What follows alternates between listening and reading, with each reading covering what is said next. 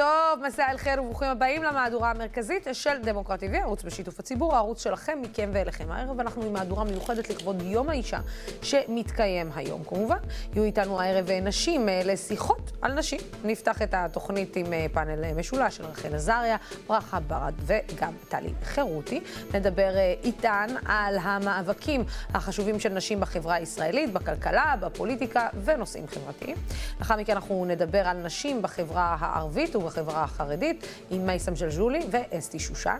ולסיום נדבר עם מנכ"לית שדולת הנשים בישראל, עינת פישר-ללו. אז כאמור, את התוכנית הזאת אנחנו נפתח עם אה, חברת הכנסת וסגנית אה, ראש העיר אה, ירושלים לשעבר, רחל עזריה, עם ברכה ברד, ומנכ"לית כולן, שהיא גם מנכ"לית כולן ופעילה חברתית, ובזום איתנו טלי חירותי סובר מדה-מרקר, עיתונאית שעוסקת רבות בנושא מגדר ושוק העבודה. ערב טוב לשלושתכן. תודה טוב. רבה שהצטרפתם. טלי, תודה רבה. אנחנו לא שומעים אותך בזום, אנחנו תכף אה, נשמע אותך, אבל אתם יודעים, בואו נתחיל עם, אה, עם אה, השאלה. המתבקשת, אה, האם צריך באמת עדיין בימינו אנו יום אישה בינלאומי? והאם זה לא מעצבן אותנו בינינו לבין עצמנו, שיש יום אישה בינלאומי, אה, שאנחנו צריכים להזכיר לעולם שאנחנו 51% מאוכלוסיית העולם? כל, כן, ברור שזה מעצבן אותנו. אני לא חושבת שיש שאלה לגבי אה, איך אנחנו כאילו מתייחסות לעובדה שצריך לתת לנשים יום משל עצמם. אמ, אני חושבת שאם, את יודעת, המציאות היא המציאות, היום קיים ועלינו לנצל אותו לטובה ובהחלט אפשר, אה, את מנית פה עכשיו אה, שמות של נשים שבהחלט ראוי וחשוב לתת להם מקום ביום הנשים הבינלאומי. אז אה, אני רוצה לקוות שאנחנו מצליחות ליצוק אליו ערך יותר ממה שלמדנו עליו לאורך השנים. רחל? אה, צריך, אבל אני לא חושבת שצריך לחשוב על זה כעל נותנים לנו יום אישה בינלאומי, אלא אנחנו לוקחות את היום הזה ואנחנו הופכות אותו ליום שבו אנחנו מדברות על כל מה שלא בסדר, ובכל זאת בשוטף הדברים הם לא בסדר, ולא תמיד שמים לב לכל דבר, וזה יום שבו אנחנו שמות על השולחן את כל מה שצריך לטפל, ובעיניי זה יום שהוא מין תוכנית עבודה. מה צריך לעשות לשנה הקרובה, מה צריך לעשות לעשור הקרוב, מה צריך לעשות לעשרים שנים הקרובות, כדי שנשים באמת יזכו בשוויון שמגיע לנו. טלי? אה, אני לא רק, אה, לא רק לא מתעצבנת, אני שמחה ונרגשת לקראת היום הזה. אני חושבת שזה יום נורא נורא חשוב. אה, אחד הימים אולי החשובים בשנה, ואנחנו חייבות לקחת אותו בשתי ידיים ולדאוג שכולם ידעו, ולא רק אנחנו, תמיד יש איזו מין תחושה כזו שאנשים שמתעסקות ב... במגדר וכולי כל השנה, נורא חוגגות את היום הזה ולא כולם. ואני חושבת שאנחנו צריכים להגיע למצב שכולם יודעים מהו השמונה במרץ, וכולם חוגגים אותו יחד איתנו, לפחות מדברים עליו. כן, אה, אה, אה, את יודעת, ברכה, אני מנסה לחשוב על... על איך בכלל המאבק הזה של מיטו שינה באמת את כל ההתייחסות הכלל-חברתית, בכלל הנושא הזה של שוויון מגדרי ונשים, והמעמד של נשים בתוך חברות מסוימות. והשאלה היא, האם באמת היינו מגיעים להישגים שהגענו אליהם בשנים האחרונות, ספציפית בשנים האחרונות, לולא מיטו. אני לא חושבת שאנחנו יכולות לדמיין את המציאות לולא מיטו, וטוב שכך, כי במדינת ישראל היא עשתה שינוי אדיר בשיח הציבורי, וגם שינוי בפועל. אנחנו ממש רואות מקרים שמגיעים לכדי אה, לחץ ציבורי והרשעות יותר חמורות, שכנראה לא היו קורות בלי הלחץ הציבורי הזה. אמ, אני, אני חושבת ש... זאת אומרת, במדינת ישראל הייתה תשתית מדהימה למיטו, מי שהייתה פמיניסטית לפני זה יודעת שהתשתית ישבה וחיכתה. היא חיכתה על הדבר הזה, וכשהגיע הבום, עטנו עליו, קצת כמו שטלי אמרה, יש פה את יום האישה, ועכשיו אנחנו עטות עליו. ואנחנו אומרות, זה היום של כל הנשים, ואנחנו נשתמש בו כדי לפאר נשים שבאמת מגיע להם. אמ, אני חושבת שבלי המיטו התנועה הפמיניסטית בישראל הייתה במקום אחר לגמרי, ואני שמחה שאנחנו לא צריכות לדעת איזה. אתם חושבות שזה באמת גם השפיע אה, על בעצם הבחירה, או על ה... נגדיר, נגדיר את זה, העובדה שבה ממשלת ישראל האחרונה אה, מתפארת בהרבה יותר נשים מאי פעם. אני חושבת שהיום אה, זה, זה נהיה אירוע שצריך להתמודד איתו אם אין מינוי של נשים. זאת אומרת, כשאין נשים, נשאלת שאלה, למה אין נשים? אבל עדיין אין מספיק נשים. זאת אומרת, זה עדיין, אנחנו לא ב-51 אחוז, או 50 אחוז, או 49, לא משנה. אנחנו בכלל לא באזורים, אלא אנחנו באמת שמחות, ובצדק, על כל אישה שמתמנה לכל תפקיד בכיר, אבל, אבל אנחנו עדיין שמחות. זאת אומרת, זה עדיין לא מובן מאליו. זה שיש יועצת משפטית לממשלה ויועצת משפטית לכנסת ומדברות ביניהן, זה מאוד מרגש אותנו, אבל זה לא אמור באמת לרגש אותנו. זה, זה בעיניי מראה עד כמה אנחנו עוד לא שם, שזה לא מובן מאליו, שנניח במשנים ליועצים המשפטיים לממשלה צריך לוודא שתהיה אישה, או שיהיו שתי נשים מתוך שמונה. זאת אומרת, אנחנו עדיין ממש לא שם, אבל אנחנו בתהליך, אה, וזה לא לגיטימי שלא יהיו נשים, אבל עדיין אני יכולה לומר שגם במערכת הציבורית וגם במערכת הפוליטית, בסוף עמוד השדרה, זאת אומרת, לא המינויים, הבאמת מקבלי ההחלטות והדמויות הבכירות וראשי המפלגות, יש הרבה יותר גברים מאשר נשים. היו שנים שהיו יותר נשים, היום יש פחות. אז גם את זה צריך לשים לב, ולפעמים ההרגשה היא שכאילו הנשים, זה בגלל שצריך, אז דואגים שיהיו נשים כדי לא לחטוף את הביקורת. אבל זה, הנשים לא מספיק בעמדה שהן באמת נמצאות בעמוד השדרה. של זה, ההנהגה. אתן חושבות שזה בעצם נובע מזה שגם אנחנו לא עשינו את הסוויץ'? זאת אומרת, בואו נודה על האמת, גם, ואני חושבת שגם, אה, אולי אה, טלי תסכים איתי, אני, אני יכולה להגיד לכם שאנחנו מנסים, מנסים כאן, נגיד, במערכת, אין ספור פעמים, להביא נשים לבוא ולפרשן בנושאים אה, שונים, שהם לא קשורים לנשים וגברים בשום צורה שהיא, ועדיין, אה, ובלי שום קשר להטרדות מיניות, בלי שום קשר לזה, פשוט נושאים ביטחוניים, כלכליים, אה, אה, ספורט, מה שזה לא יהיה. ולא, לא, עדיף שלא, לא, אני לא קשורה לזה, לא, אני לא יודעת, אין לי זמן, לא, אני לא יכולה, לא, אני מעדיפה שלא להיחשף, לא, אני מעדיפה שלא לדבר. זאת אומרת, איך, אני, אני לא יודעת אם זה התת-מודע שלנו, שבסוף החליט לשים אותנו, מחו, את עצמנו, מחוץ למשחק, כי התרגלנו להיות שם, או התרגלנו לא- לחשוב שאנחנו לא שוות. אני לא מקבלת את זה בכלל, ואני אגיד למה. כי אני חושבת שנשים יודעות בתוך תוכן שהמחיר על טעות של נשים, אם אישה תעשה טעות בפרשנות, הדחקות שירוצו עליה יהיו אחרות לחלוטין מאשר גבר שעושה טעות. ואני חושבת שאנחנו כאילו כל הזמן אומרים לאישה, תרוצי קדימה, תעיזי, תפרצי, תדרשי את השכר שמגיע לך. ואז היא באה, דורשת את השכר שמגיע לה, ואומרים לה לא. או שהיא באה ומפרשנת משהו שהיא לא יודעת במאה אחוז, היא יודעת בשמונים אחוז, ומעיפים עליה דחקה. ולכן אני, אני חושבת שאנחנו צריכים לשנות את ה... יש פה שינוי מאוד מאוד עמוק שצריך לקרות, כדי שנשים גם יעיזו. אז ברור שנגיד לנשים תעיזו, וברור ש... אני אבוא, וברכה תבוא, וטלי תבוא, וטלי פה ממש מתחננת לדבר, לא נעים לי, אני מול העיניים. אז כי צריך, זה, אבל... רגע, רגע, יש לנו זמן, טלי, אל תדאגי. אבל אני חושבת שצריך להבין שגם אם אנחנו נעשה את זה, יש בסוף מציאות חברתית שאי אפשר להתעלם ממנה. ולדרוש, כאילו לומר שזה עניין של אנשים, זה עניין של החברה. ונשים מפנימות את המחיר שנשים משלמות על טעויות, ואז הן הרבה יותר זהירות, ובעצם זה בגלל שהן חכמות. טלי? הצבעת כל כך יפה. אבל צריך קודם, כן. אני מצביעה, אתם יודעים, כמו אישה טובה. אה, לא, אני רוצה להגיד קודם בעניין המיטו, מיטו זה אין ספק אירוע מאוד מאוד חשוב, אבל, אה, אבל הוא, הוא חלק, הוא חלק מהעניין הזה, אה, וצריך להזכיר פה את כל הנשים שבמשך עשרות, כבר קרוב למאה שנה, מתעסקות עם הנושא הזה, בין אם מיטו ובלעדיו, ואני כותבת על שוק העבודה, ו... ועם כל הכבוד למיטו, יש הרבה מאוד תהליכים שנמצאים בתוך הצינור כבר הרבה מאוד זמן, ואני כן רוצה להזכיר כאן למשל את מרב מיכאלי ואת השפה המגדרית, שאין לה קשר למיטו כאחד מ...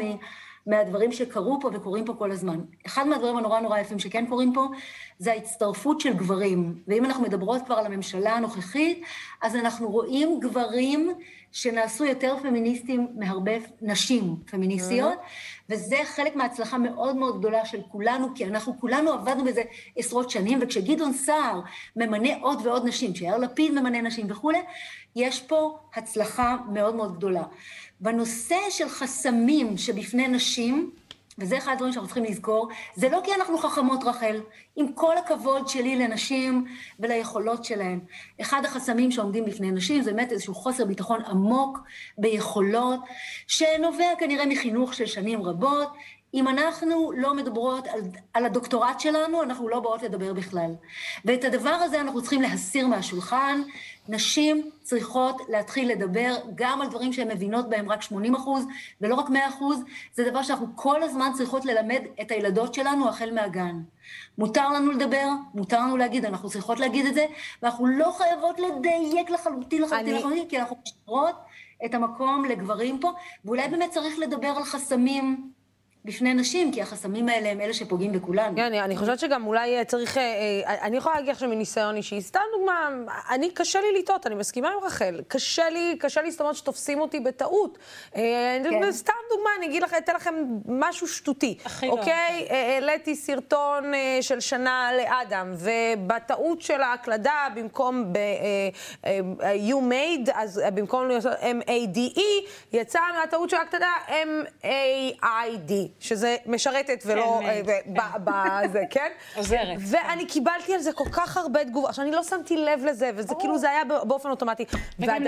אכפת. פשוט, עכשיו, אבל מתברר, אבל תקשיבי.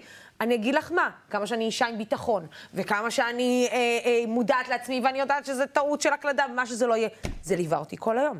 זה ליווה אותי כל היום ברגע, בקטע של חשבתי, אמרתי לעצמי, וואי, טעיתי, ואם מה יחשבו, ויחשבו שאני לא יודעת אנגלית, ואני לא יודעת לכתוב, ואני לא... עכשיו אני בטוחה שאם זה היה קורה לגבר, עכשיו כשהראיתי את זה לצחי, צחי אמר לי, וואי, אפילו לא שמתי לזה לב. זאת אומרת, אבל למה צחי לא שם לזה לב, ואני כן? אז אני, אבל... אני אגיד לך משהו שלמדתי כשהייתי סייעת בגן ילדים לפני עשור, פחות או יותר. למדתי שכשאבא מלביש את הילד, ב... כשהאימא בחו"ל ואבא מביא לך ילד והוא נראה עם בגדים לא מתאימים ועם אה, חיתול הפוך וכל מיני דברים כאלה, הגננות יגידו וואו איזה חמוד. לעומת זאת כשהאימא תעז להביא את הילד שהוא פחות מטיפ טופ, וואי וואי איזה שיימינג יעשו לה. אמ-הממ. אני חושבת שאין ספק שיש יש לנו נטייה חברתית לבוא לנשים בציפיות פה, ויש איזה משפט נורא חמוד שאומר ששוויון יהיה כשיהיו אותה כמות של נשים בינוניות במקומות שבהם גברים בינוניים יושבים היום. עם כל הכבוד לכנסת ישראל ולכל היועמ"שים ולכל הזה ולכל הזה, את תראי שם הרבה מאוד גברים שלא הרוויחו את מקומם, ומעט מאוד נשים שלא הרוויחו את מקומם פי 13 לפני שהם הגיעו לשם, ואני חושבת שזה משהו שאי אפשר להתעלם מזה שיש לנו נטייה חברתית לסטנדרטים בדיוק. מסוימים מכל אחד מהמגדרים, וזה משהו שצריך לשבור אותו, ואני רוצה גם להוסיף שיום האישה, אה, שמו המקורי הוא יום הפועלות. ואנחנו עכשיו חוזרות וקוראות לו יום הנשים מתוך איזושהי הבנה שהכוח של נשים הוא בא ביחד, זה לא יום האישה, זה לא אני ומה אני אקנה כדי להעצים את עצמי ולנצח את עצמי, זה איך אנחנו ביחד מתארגנות לפעולה וזאת התנועה הפמיניסטית, זה לא מיטו ולא נעליים, זה התנועה הפמיניסטית כבר מאות שנים נשים מתארגנות ביחד ומשנות את המציאות ואם יש משהו שאנחנו יכולות להוציא מיום האישה זה את הכוח המשותף שלנו ואיך אנחנו מצליחות בסוף להגיע למצב שכן, לא יאיר לפיד ולא גדעון סער היו שמים נשים, אילולא נשים כמונו נאבקות בשביל שזה יקרה במשך שנים. זאת... אה, ואני אגיד יותר מזה, שהסופרג'יסטיות, כשהם לחמו רק בנות המעמד הגבוה על זכות ההצבעה, הם לא הצליחו. ורק כשהם שיוו ידיים עם המעמד, מעמד הפועלות, אז פתאום. מה זה פתאום? אחרי שביתות רעב, והאכלה בכפייה, וכלא, ו... ו... ו... ו... ו... הם הצליחו. אבל זה לא היה מצליח בלי הסולידריות, ואני חושבת שבישראל צריך להזכיר את זה שוב ושוב ושוב. כי יש לנו איים שבהם חוסר השוויון הוא עוד יותר קיצוני. אם זה בנושא של אה, פוליגמיה בחברה הבדואית, ואם זה בנושא של בתי הדין הרבניים בחברה הדתית והחרדית, נשים. או ייצוג נשים, או בדיוק, הנשים החרדיות, שיש מפלגות שלמות שבהן אין נשים, וזה, וזה נחשב לגיטימי לחלוטין. וכנסת ישראל מתייחסת לזה כאל דבר. ויותר מזה, כשאני הייתי חברה בוועדת תכנון ובנייה בעיריית ירושלים, כל פעם שהיה גבר חרדי, היו מזיזים אותי כיסא. והייתי צריכה להתווכח על זה, ולריב על זה, ולצעוק על זה, ואני לא מוכנה, ולמה אני צריכה לזוז כיסא. וכל הדברים האלה הם לגיטימיים לחלוטין, בשם הרב תרבותיות ובשם הסבלנות ובשם... ואני חושבת שעד שאנחנו כנשים לא נבין, שאם אנחנו לא ניאבק עבור כולם, תקרת הזכוכית היא לא תעלה, היא תרד, ורצפת הבטון תהיה קשה יותר, וכמו שסופרג'יסטיות, המעמד הגבוה הבין את זה לפני יותר ממאה שנה, ב-1910 ולפני כן, אם הם הבינו את זה, גם אנחנו צריכות להבין את זה, והסולידריות פה חייבת להיות או, מאוד בוא, מאוד בוא חזקה. בואו רגע באמת נדבר רגע שנייה. כן, אה, טלי. אני רוצה רק להכניס נקודה אחת נורא נורא חשובה, אנחנו מדברים על נשים ולא מדברים על אימהות. אה. מכיוון שאני כותבת על שוק העבודה, וכיוון שאני כותבת על פערי שכר, אנחנו חייבים להכניס את הנקודה הזו, נכון. שאף פעם לא מדברים עליה, הפערים בין גברים ונשים הם בעיקר פערים בין אימהות לאבות. Mm-hmm. וזו נקודה שאין ברירה אלא להתייחס אליה, ואנחנו מאיזושהי סיבה לא. אז אני, עם כל חיבתי לכל הנשים בכלל וכולי, הנשים הצעירות אולי קצת פחות סובלות, האימהות סובלות הרבה יותר, הרבה. ובואו נדבר קצת על פערי שכר. או, אני, אז אני רוצה רגע שנייה, אתם יודעים מה? אני רוצה לקחת את השיח הזה, גם את השיח של uh, להיות, uh, to stick together, זאת אומרת, uh, להיות uh, ביחד, ולעמוד אחת בסולידריות ולעמוד אחת לצד השנייה, וגם מבחינה הכלכלית. ואני רוצה להביא את זה מתוך uh, שיח שהתרחש uh, ממש לאחרונה בישראל. מצד אחד יש את הרעיון עם אה, רותם אה, סלע, שבעצם שמה קמה אישה ומדברת על השכר שלה ועל כך שהיא נלחמת על השכר שלה ועל כך שהיא באה והיא זאתי שבאה עם מחשבון ועושה, והיא זאתי שגם צריכה לצאת ולפרנס, על אף שכולם הרימו גבה ואמרו, מה היא צריכה לצאת לפרנס? היא, היא כאילו באה ממשפחה, היא גם נשואה למשפחה, לא, עינינו אינה צרה, אבל היא נשואה למשפחה שהיא מהמשפחות העמידות בישראל. מצד שני, השופטת אתי קרייף, שבאה ואומרת, הנשים פגעו בי יותר מהגברים. זאת אומרת, חוסר הסולידריות שהיה בקשר, בכל מה שקשור לנשים כלפיי. אה, אנשים העבירו עליי ביקורת יותר משגברים העבירו עליי ביקורת, והשאלה היא, איפה עובר הגבול בדבר הזה? כאן מתחילה לעלות השאלה, האם אנחנו סולידריות ומבינות, לא משנה מי עומדת מולנו, מה עומדת מולנו, העיקר שזו אישה, או שאנחנו באמת גם צריכות להיות פריות ולהגיד, mm, לא כל דבר מייצג את הנשים והוא השראה, כמו שאוהבים היום להגיד, איזה השראה, איזה השראה, איזה השראה. אני חושבת קודם כל שצריך לעשות פה הפרדה בין שני מושגים. אחד זה נשים, ושני זה פמיניזם. Mm-hmm. אין זהות בין שני הדברים. האינטרסים של הפמיניזם הם לא בהכרח אינטרסים של כלל הנשים, זה גם, זאת אומרת, מדובר פה, התנועה הפמיניסטית עוסקת בשוויון נשים. ההחלטה, אני חושבת שלכל אישה יש את הזכות להחליט האם היא בוחרת לבקר אישה אחרת בפומבי או לא. אני כמדיניות מאוד מאוד מנסה להימנע מביקורת פומבית על נשים אחרות.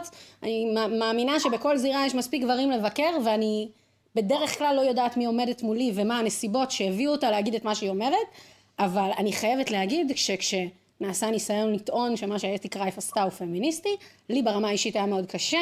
אני כבר שנים עמוק בתוך המאבק הזה. ואני לא חושבת שאפשר כל דבר בעולם שאישה עושה להדביק עליו את התגית הזאת, זה זלזול בתנועה הפמיניסטית, ואני חושבת שהסיפור של לבקר נשים או לא לבקר נשים, זה גם, זה לא אג'נדה פמיניסטית, זה בחירה אישית. את בוחרת אם את רוצה לריב עכשיו עם רותם סלע ולטנף עליה או לא, ואני בוחרת גם, זה בחירה אינדיבידואלית של נשים, אבל אבל. אבל השאלה היא זה שיח שאנחנו צריכות ל- ל- לנהל אותו. זאת אומרת, זה שיח שבסוף אנחנו כן צריכות לנהל אותו. מי... אין לאישה פטור מפאת היותה אישה, לעניות דעתי, מביקורת. גם לנו, הנשים הפמיניסטיות, אין פטור מביקורת. אנחנו מבקרות הכי חמורות אחת של השנייה, זו האמת. אז okay. אני, אני רוצה לתת אה, פרספקטיבה אחרת. אני חושבת שהרבה פעמים, את אמרת שאתי קרייף אמרה שנשים ביקרו אותה הרבה יותר מאשר גברים. אני חושבת שאסור להתעלם מהפטריארכיה, הפיל שיושב פה בחדר, בסדר? אישה שמבקרת אישה מקבלת מחיאות כפיים מגברים. כי אישה שמבקרת אישה, זה נחשב הרבה יותר לגיטימי. ולכן, הרבה פעמים אתם תראו, ורואים את זה, אני לא, אני לא אצביע על זה, אבל אפשר לראות את זה הרבה במערכת הפוליטית, שבכל מיני סיטואציות, מעדיפים שאישה תהיה בחזית כשיש ביקורת כלפי אישה, או אישה תהיה בחזית כדי, כשרוצים לעשות מהלך שהוא לא פמיניסטי, אה, נגיד אה, אה, כל הנושא של ביקורת על בג"ץ, אז מעדיפים בהרבה שנשים יהיו, או שלהט"בים יהיו, זה מאוד מאוד מקל, כי אז אי אפשר לומר שום דבר. ואני חושבת שאסור לשכוח כמה, באמת, כמה צ'ופרים אישה שמעבירה ביקורת על אישה, או אישה שמעבירה ביקורת על פמיניזם, או אישה שבעצם משרתת את הפטריארכיה, הנקודות זכות שהיא צוברת ברמה הציבורית הן כמעט בלתי נתפסות. ואני יודעת, בכנסת, אני הרבה פעמים נאבקתי בנושאים, בהרבה מאוד נושאים פמיניסטיים, ויכולתי לראות את האישה שמגיעה, ואז לי גם הרבה יותר קשה מולה. כן. כי זה לא גבר, אומרים, אבל היא אומרת, אבל אישה אומרת, למה את מתווכחת על אישה? את מה, את לא מוכנה לקבל את עמדתה? מה, את צודקת יותר ממנה? את פטרנליסטית כלפיה וכולי וכולי. אז אסור לשכוח גם את ההקשר הזה, ולכן אני גם מאמינה, גם לאתי, גם לרותם, כל מי שאומרת שנשים ביקרו אותם יותר, זה מאוד הגיוני, זה פשוט נורא נורא משתלם להמון נשים. אה, טלי? אני כל כך לא מסכימה עם רחל, אני לא יודעת... זה בסדר, אנחנו לא מסכימות היום, טלי. הכל טוב. הפך את זה למעניין. אני מבקרת אינסוף נשים, וגם אינסוף גברים. העובדה שאישה, דווקא אמרתם את זה קודם, ומאוד מאוד הסכמתי, לא כל אישה היא אישה ראויה. אז את אישה. נולדת אישה, זה לא הופך אותך לאדם שאני צריכה לכבד אותו בגלל מגדר, בגלל מין, בשום פנים ואופן לא. להפך, אני חושבת שדווקא העובדה שאנחנו כן יכולות לבקר נשים מתוך עמדה ראויה, זאת אומרת, את הרי לא מבקרת אישה סתם כאישה, אלא כי היא אמרה דברים כאלה ואחרים. הסיפור של השופט, השופטת בדימוס, חשוב להזכיר, אתי קרייף, הוא באמת אחד הסיפורים היותר, אמ, איך נקרא לזה, מביכים נשים בעיניי. ולכן אין שום סיבה שנשים לא יבקרו את אתי קרייף, שפגעה בנשים. ונורא חשוב לזכור את הדבר הזה. כל סיפור... כן, מצד שני, טלי, היא הפכה להיות uh, סוג של גם מושא הערצה בקרב נשים מאוד אינטליגנטיות, דרך אגב, uh, שאת יודעת, uh, שהדבר האחרון שחשבת זה שהם, ושיש להם בנות בבית, והדבר האחרון שחשבת שהם יעשו זה כן. בעצם יעצימו את ההתנהגות הזאת. אנחנו במין אה, מין עולם כזה הפוך וקצת מטורלל, שבאמת אישה שעושה דבר כזה מקבלת איזשהו גיבוי מנשים אחרות, שבאמת, גם אני ראיתי את זה ואמרתי, אלוהים אדירים, איך זה יכול להיות?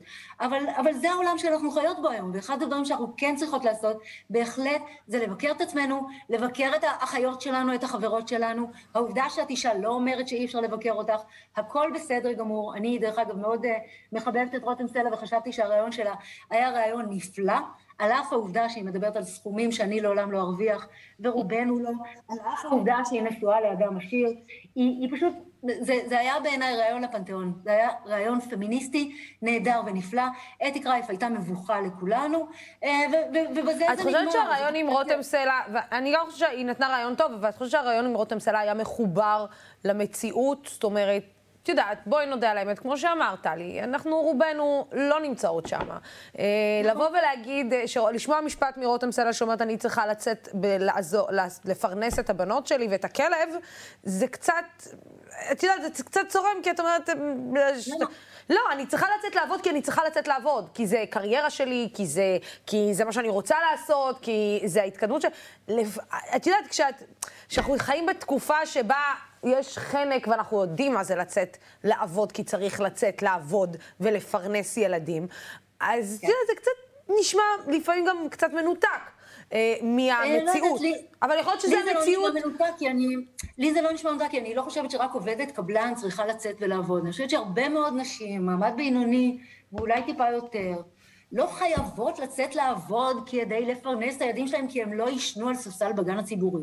זה לא אומר שהם לא... חייבות ברמה הפנימית ביותר לצאת, לעבוד, להרוויח כסף ובעיקר להיות עצמאיות. אני חושבת שהמסר של רותם סלע היה מסר של עצמאות, וזה היה מסר מאוד מאוד יפה בעיניי בתור אדם, בתור אישה, שמכירה הרבה מאוד נשים שגרות בכלובי זהב ומעדיפות לשבת בבית ולתת לה, mm-hmm. לבעלים שלהם לצאת לעבוד. בעיניי זו תופעה איומה, ולא נשים כמו רותם סלע שאומרות, אוקיי, זה המקצוע שלי, אותו אני עושה מצוין, אני רוצה להרוויח, ומה שהכי מצא חן בעיניי הייתה עובדה שהיא מאוד מאוד מעורבת בכל תהליך. אני חושבת שאם אנחנו ניקח לרגע את הסכומים ואנחנו ננקה אותם, או את הזוהר לכאורה, אנחנו ננקה את זה, אנחנו נראה אישה עובדת. לא, זה ברור, זה ברור. ואני נשים עובדות עצמאיות, מרוויחות את הכסף שלהן ולא תלויות בבעלים שלהן. אני, אני פשוט חושבת שזה לא... אני להגיד שהסיפור של עצמאות כלכלית בתור אה, אישה בשנות ה-30 שלה, אני מרגישה שהרבה מאוד נשים, הדבר שעוצר אותן בחיים, מלהתגרש ולעבור למערכת יחסים הבאה והטובה, ברור. זה זה שהן לא עצמאיות כלכלית, והסיפור של זה שאנחנו במאה, בשנת 2022, ולמרבית הנשים אין עצמאות כלכלית, לקיים חיי משפחה כפי שהן רוצות, והן נשארות, כאילו, זה משהו שהוא בלתי נתפס בעיניי. הסיפור של עצמאות כלכלית... אני חושבת שהסיפור של עצמאות כלכלית הוא הסיפור שלנו בגדול, הוא 50 אחוז מהסיפור נכון. שלנו בגדול. והרבה מזה זה מה שטלי דיברה, הרבה מזה זה מה שטלי דיברה על אימהות. שברגע שאנחנו יולדות ילדות, אני, אני הרגשתי ש... עד שנולדו לי ילדים, כולם אמרו לי, מה צריכה פמיניזם? מה זה? זה נודניקי, זה אלה, זה פעם, זה השפם, זה המעצבנות, זה וזה. ואז את כל השנים אומרת לעצמך, טוב, אז אולי לא צריך, אני לא אני, אבל הרבה, אז אולי לא צריך פמיניזם. ואז נולדים לך ילדים, ופתאום את מבינה על מה הם דיברו. אבל אז את כבר עסוקה, את עם הילדים, את לא יכולה לצאת להפגנות, את לא יכולה לזה, וזה כאילו מין מערכת שבנויה ככה, שכשאת מבינה שאת צריכה את הפמיניזם, זה קצת מאוד מאתגר. ואז כשאת מבוגרת יותר, אולי תחזרי לזה, אבל זה לא באמת עובד. ואני חושבת שבסוף הסיפור הגדול זה האימהות, הסיפור הגדול זה גירושים, הסיפור הגדול זה עצמאות. העצמאות הכלכלית. הסיפור הגדול הוא איך את מפרנסת, כשהיום, בטח בכל המאבקי הגירושים, אני רואה, ואני רואה נשים סביבי, שפתאום הן מגיעות למצ... למצבים בלתי אפשריים. הם... היו עם הילדים כדי שהוא יוכל לסיים את הדוקטורט ולהתקדם לזה ולעשות ככה ולעשות ככה ולעשות, מתגרשים, היא מגלה שאין לה כלום. עכשיו זה קורה המון המון פעמים, אני חושבת שהעניין זה, ואני אומרת לכל החברות שלי, אתם לא מפסיקות לעבוד, אתם לא נשארות בעד לגדל את הילדים, אתם רוצות, קחו מנקה, קחו מבשלת, קחו מה שצריך. נכון. אתם ממשיכות יותר. לעבוד, גם אם זה כאילו לא משתלם, כי יום אחד אתם תגלו שמי שזה לא ישתלם זה לכן, זה לא לאף אחד אחר, ואתם תמצאו עצמכם זרוקות מאחורה, אבל אם כן, דיברנו על אנשים... יום הנשים הבינלאומי כתוכנית עבודה לשנה, חמש, עשור הקרוב, זו התוכנית עבודה שלנו. כן, התוכנית עבודה להבין אה, גם את הכוח שלנו וגם להבין שכן, בסוף אה, אה, שוכחים שכשמתגרשים, הילדים רוב הזמן נמצאים עם האימא ולא עם האבא, ואז את צריכה לג'נגל יותר, זו המציאות אגב, ואת צריכה לג'נגל יותר עם הילדים מאשר האבא שמג'נגל עם הילדים.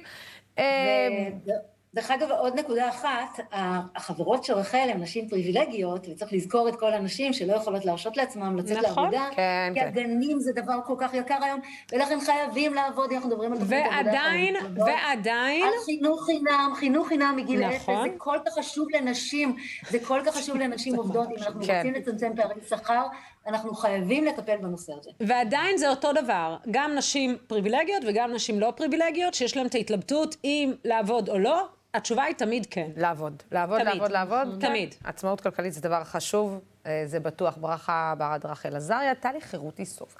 תודה רבה, רבה. לשלושתכן. כן, יום האישה שמח. יום אישה שמח, תמיד שמח. אה, עכשיו אה, נמצאת איתנו אה, בזום אסתי שושן, מייסדת ומנכ"לית נבחרות, תנועת נשים חרדיות, לשיחה על נשים בחברה החרדית, ומיד תכף ייכנסו אלינו לאולפן, מייסם ג'לג'ולי, אה, יושבת ראש נעמת במרחב המשולש הדרומי, ויושבת ראש שותפה בארגון סיכוי ופוק לשיחה על מעמד האישה חברה בחברה הערבית, וגם מנכ"לית שדולת הנשים בישראל, עינת פישר לה-לא. כן, שלום, שלום. אני אתחיל איתך, אה, אסתי, את שומעת את הדברים, אני מקווה ששמעת חלק מהדברים שנאמרו כאן. בואי רגע שנייה ניקח את זה מתוך המקום אה, האחרון אה, שדיברנו, שדיברנו עליו, וזה באמת העצמאות הכלכלית. כשאנחנו מדברים על עצמאות כלכלית, זה על אחת כמה וכמה תופס עוד הרבה יותר מונים בחברה החרדית, שאפשר להגיד שאולי רק בשנתיים, אולי ארבע האחרונות, תפס תאוצה יותר, ההבנה שאישה צריכה גם עצמאות כלכלית, גם כדי לעתיד שלה, יותר מאשר לגבות את בעלה.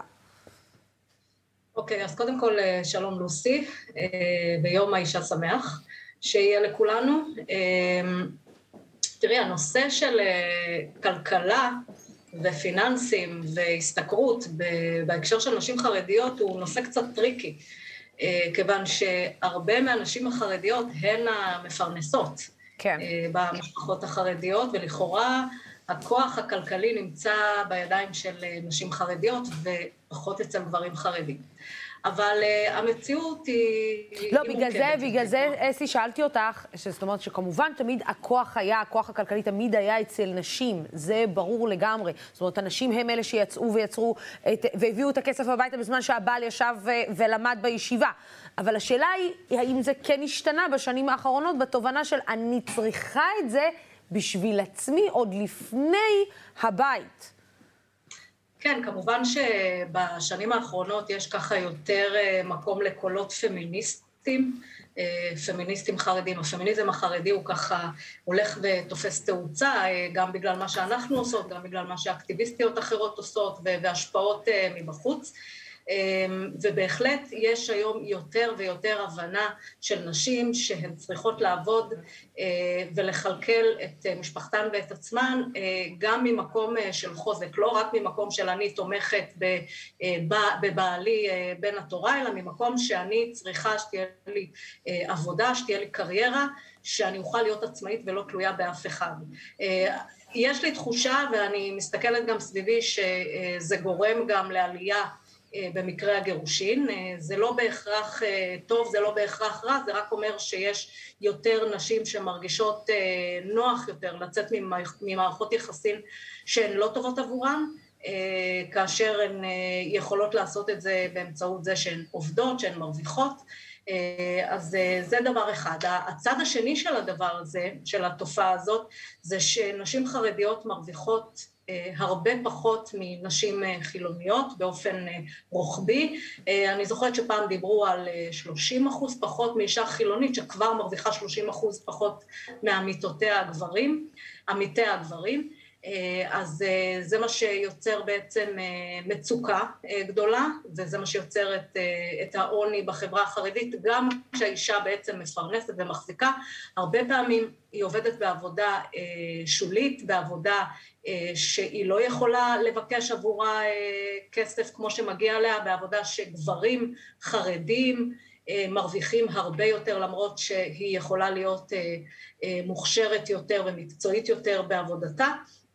אז הבשורות הן טובות ורעות כמו כל דבר בחיים. זה כן, כמו שאמרנו, מייסם ועינת הצטרפו אליי כאן לאולפן. אנחנו שומעים בעצם, אני רוצה כן להמשיך בקו הזה של העניין הכלכלי.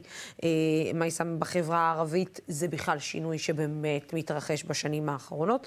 גם היותר ויותר מודעות למעמד שלנו כנשים בתוך החברה הפטריארכלית הערבית שמבוססת על האב והגברים, וגם להבין מה מגיע לנו בתור נשים, זאת אומרת, ולעמוד על הזכות שלנו כנשים בתוך החברה, משהו שלא מיהרנו לעשות את זה לפני כמה שנים.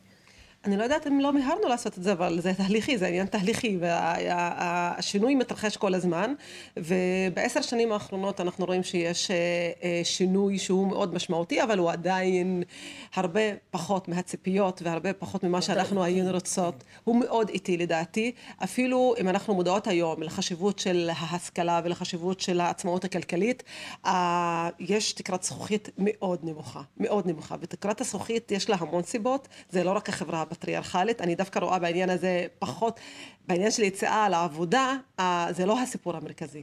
הסיפור המרכזי זה בעצם האי אפשור, האי אפשור אה, של נשים ערביות לצאת לעולם העבודה, וזה כתוצאה כשל ממדיניות ממשלתית. הממשלות השונות לאורך כל השנים כשלו. כשאנחנו מדברות רק על 40 אחוז נשים ערביות עובדות, זה אומר לא כישלון של החברה אלא ערבית, אלא כישלון של המדינה ושל המדיניות.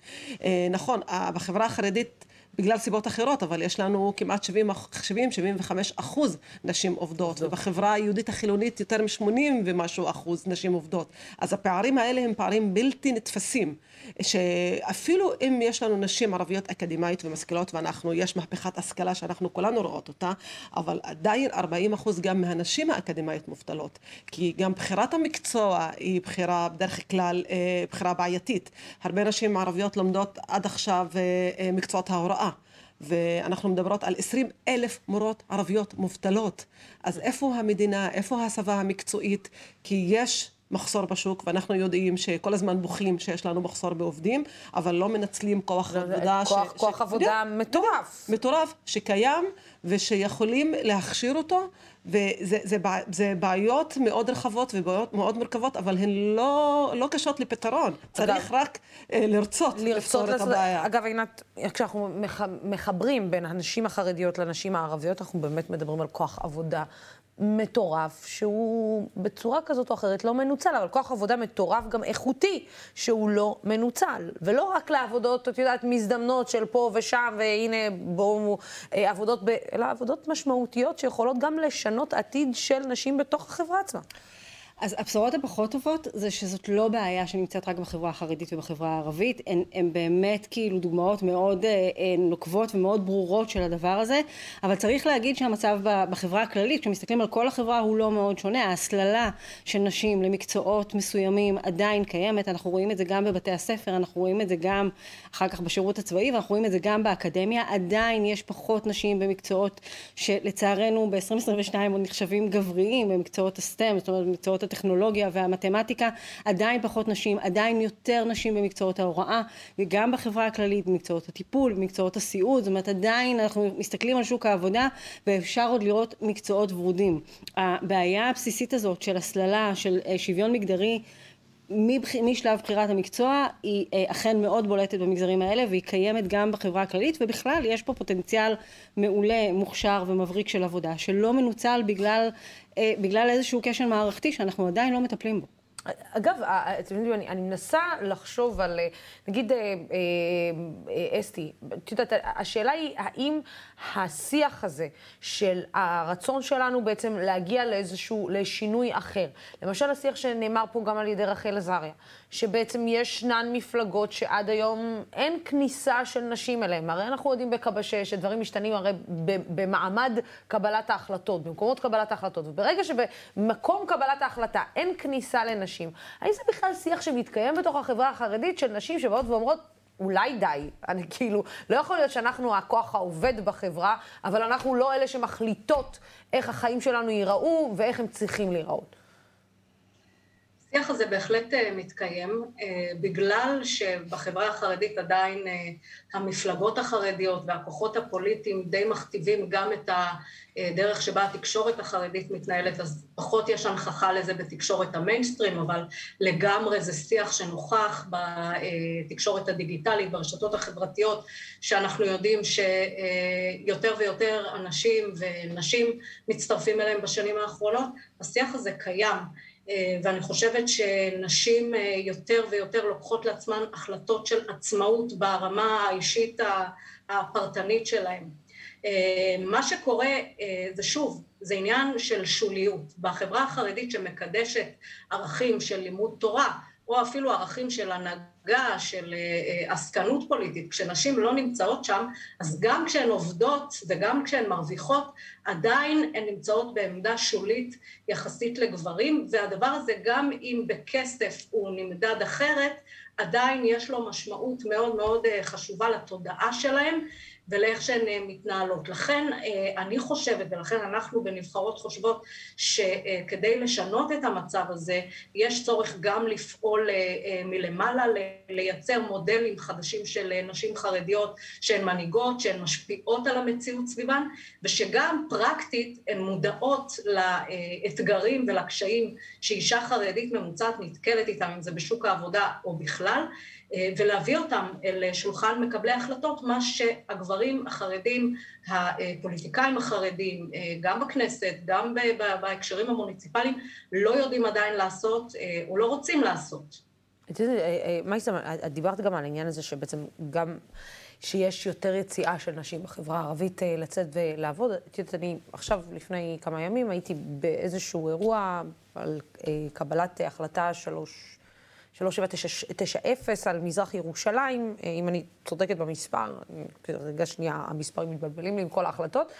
אה, וכשעשיתי את השיחת הכנה עם, אה, עם נשים ממזרח ירושלים, הסיפור הזה של עדיין נשים שלא מסיימות תיכון כדי ללכת להתחתן, סיפור שעדיין קיים בחברה החרד, הערבית, סליחה. השאלה היא האם אנחנו... גם בחברה החרדית גם, אה, גם בחברה החרדית. והשאלה היא האם אולי השינוי אצלנו, או המחשבה, או העבודה צריכה באמת להתחיל להיות באימהות. זאת אומרת, ששולחות את הבנות שלהם ללמוד, בכלל בבתי הספר, ולהבין שכמה חשוב העניין הזה של לסיים 12 שנות לימוד, של אה, לתת את הדגש הזה על לימודים, על אף שבחברה הערבית ישנה פריצה מטורפת בעולם האקדמי של לצאת ול, וללמוד. הסיפור הזה של נישואים מוקדמים, ואני חושבת גם כאן יש שיפור מאוד, אה, מאוד גדול, ואנחנו רואים את זה במקומות אה, אה, ספציפיים. יש מקומות שבאמת צריך לטפל בבעיה הזו, כמו ירושלים המזרחית, כמו גם בנגב. יש אזורים ספציפיים שאנחנו יכולים להצביע על תופעת הנישואים המוקדמת, שהיא תופעה מאוד מסוכנת, ואם אנחנו צריכים, צריכות לדבר על זה, אני לא חושבת שרק צריך לדבר עם האמהות, כי צריך לדבר על זה ממש מגיל האפס. אני, לא יודעת להגיד אפס, אבל לפחות... בוא נגיד מהגנים. בגיל 4-5, זה, זה כל כך גיל אפס. להתחיל ללמוד, להתחיל ללמוד על מה זה שוויון מגדרי, על מה זה שוויון, על מה זה אה, בן ובת באותה כיתה, איך הם צריכים להיות שווים. צריך גם ללמד את המורות של, של הילדים את השיח הזה, את השיח של שוויון מגדרי, גם הן לא מדברות את השיח הזה. ובשיחות כן. שלי גם עם מורות, ואני מופיעה המון בבתי ספר, אני לפעמים אני לא יודעת להגיד מופתעת או לא מופתעת, אני לא מופתעת, אבל זה כל הזמן, כאילו מראה לי שאנחנו גם פה לא התקדמנו, גם פה אנחנו לא שינינו המון. אה, אני כשלמדתי לפני, לא אגיד כמה זמן, והמצב היום הוא לא, הוא לא שונה, הוא לא שונה. אין שיח של שוויון בין בנים ובנות בית הספר. אין, אין, אין, אין בכלל אפילו, אם תסתכלי על תוכניות הלימודים, התוכניות הלימודים לא מתייחסות לסוגיות האלה בכלל. ואם בית ספר עושה משהו, אז אה, כאילו הוא עושה טובה. אם הוא עושה משהו. אין משנה סדורה של משרד החינוך, אין פשוט אה, אה, מערכי לימוד אה, שמדבר על סוגיות של שוויון, בכלל ושוויון מגדרי בפרט. אני שואלת את עצמי איך זה יכול להיות, שאת יודעת, אני בת 40, את יודעת, ואני אומרת, אני רואה אימהות בגילי, ואני אומרת, איך זה יכול להיות שאני הרי גדלתי כבר לתוך תודעה של שוויון, אני גדלתי לתוך תודעה, בחברה הערבית עצמה, של כמה זה חשוב לצאת וללמוד וזה, ואני עדיין רואה ילדים לנשים בגיל שלי, ש... או, גברים ו- ו- ובנות שאין להם את התודעה הזאת. זאת אומרת, אנחנו אומרים- זאת אומרת, אצל אנשים בגיל שלי אין את התודעה הזאת, שזה מה שאותי מפליא. אה, אה, כאילו, אם היום לנערות צעירות יש יותר את התודעה הזאת, אותי מפליא שדווקא בגיל שלי, שכבר היה תודעה, שכבר יש תודעה, שכבר הבנו לאן העולם הולך, אנחנו גידלנו כאילו דור של ילדים שעדיין חי באיזשהו כי את עידן לא אחר. מגדלת לבד. את לא מגדלת, את כאימא את לא מגדלת לבד. החברה ש... כולה מגדלת איתך. יש פה תהליך סוציאליזציה שלא רק ההורים עושים אותו, גם בית הספר, גם הרחוב, כולם משתתפים איתך. וכשהרחוב ובית הספר הם בפאזה אחרת לגמרי, את נמצאת במקום והם נמצאים במקום אחר לגמרי, אז יש בעייתיות. אני אספר לך סיפור. פעם ביקשו מהילדה שלי לחפש אה, סיומת אחרת לסיפור של סינדרלה. ואז אני כאימא פמיניסטית אה, הצעתי לה איזה סיפור של סיומת פמיניסטית כזו. ואומרת לי, אמא, את והפמיניזם הפמיניזם שלך, עכשיו כולם יצחקו עליי בכיתה. אז זה, זה לא העניין שאני כשלתי, זה העניין שעדיין החברה ומערכת החינוך לא התאימה את עצמה לכל הנושא של ללמד לשוויון מגדרי. וזה לא בעיה שלנו, אנחנו יכולות, אבל יש עוד כוחות שמושכות אחורה, ובזה אנחנו צריכים לטפל כחברה וכמערכת. אני לא אגיד, אני אגיד. עוד משהו, אה, מעבר למערכת החינוך, אני חותמת על כל מילה שהיא אמרה, ו, אה, וגם שאסתי אמרה. יש איזשהו קשר, אמרת, אנחנו לא, אתן לא מגדלות את הילדים לבד, גם מערכת החינוך וגם החברה והמרחב מערכת הציבורי. החינוך בכלל הרגשה היא שהיא מנותקת לחלוטין מכל מה שקורה. כל, כל מילה שהיא אמרה נכונה, אין היום משנה סדורה במערכת החינוך לחינוך לשוויון מגדרי, ולא רק לחינוך לשוויון מגדרי, להטמעת הבנה מגדרית בתוך מערכי השיעור הרגילים. גם כשאתה לומד מתמטיקה, אם תמיד אה, אה, הגברים הם אה, העובדים והנשים הם בבית, בכל הדוגמאות שאתה נותן, אז זה גם, זה גם כשל. אבל אני רוצה להגיד שיש משהו נוסף והוא המרחב הציבורי שאנחנו חיות בו.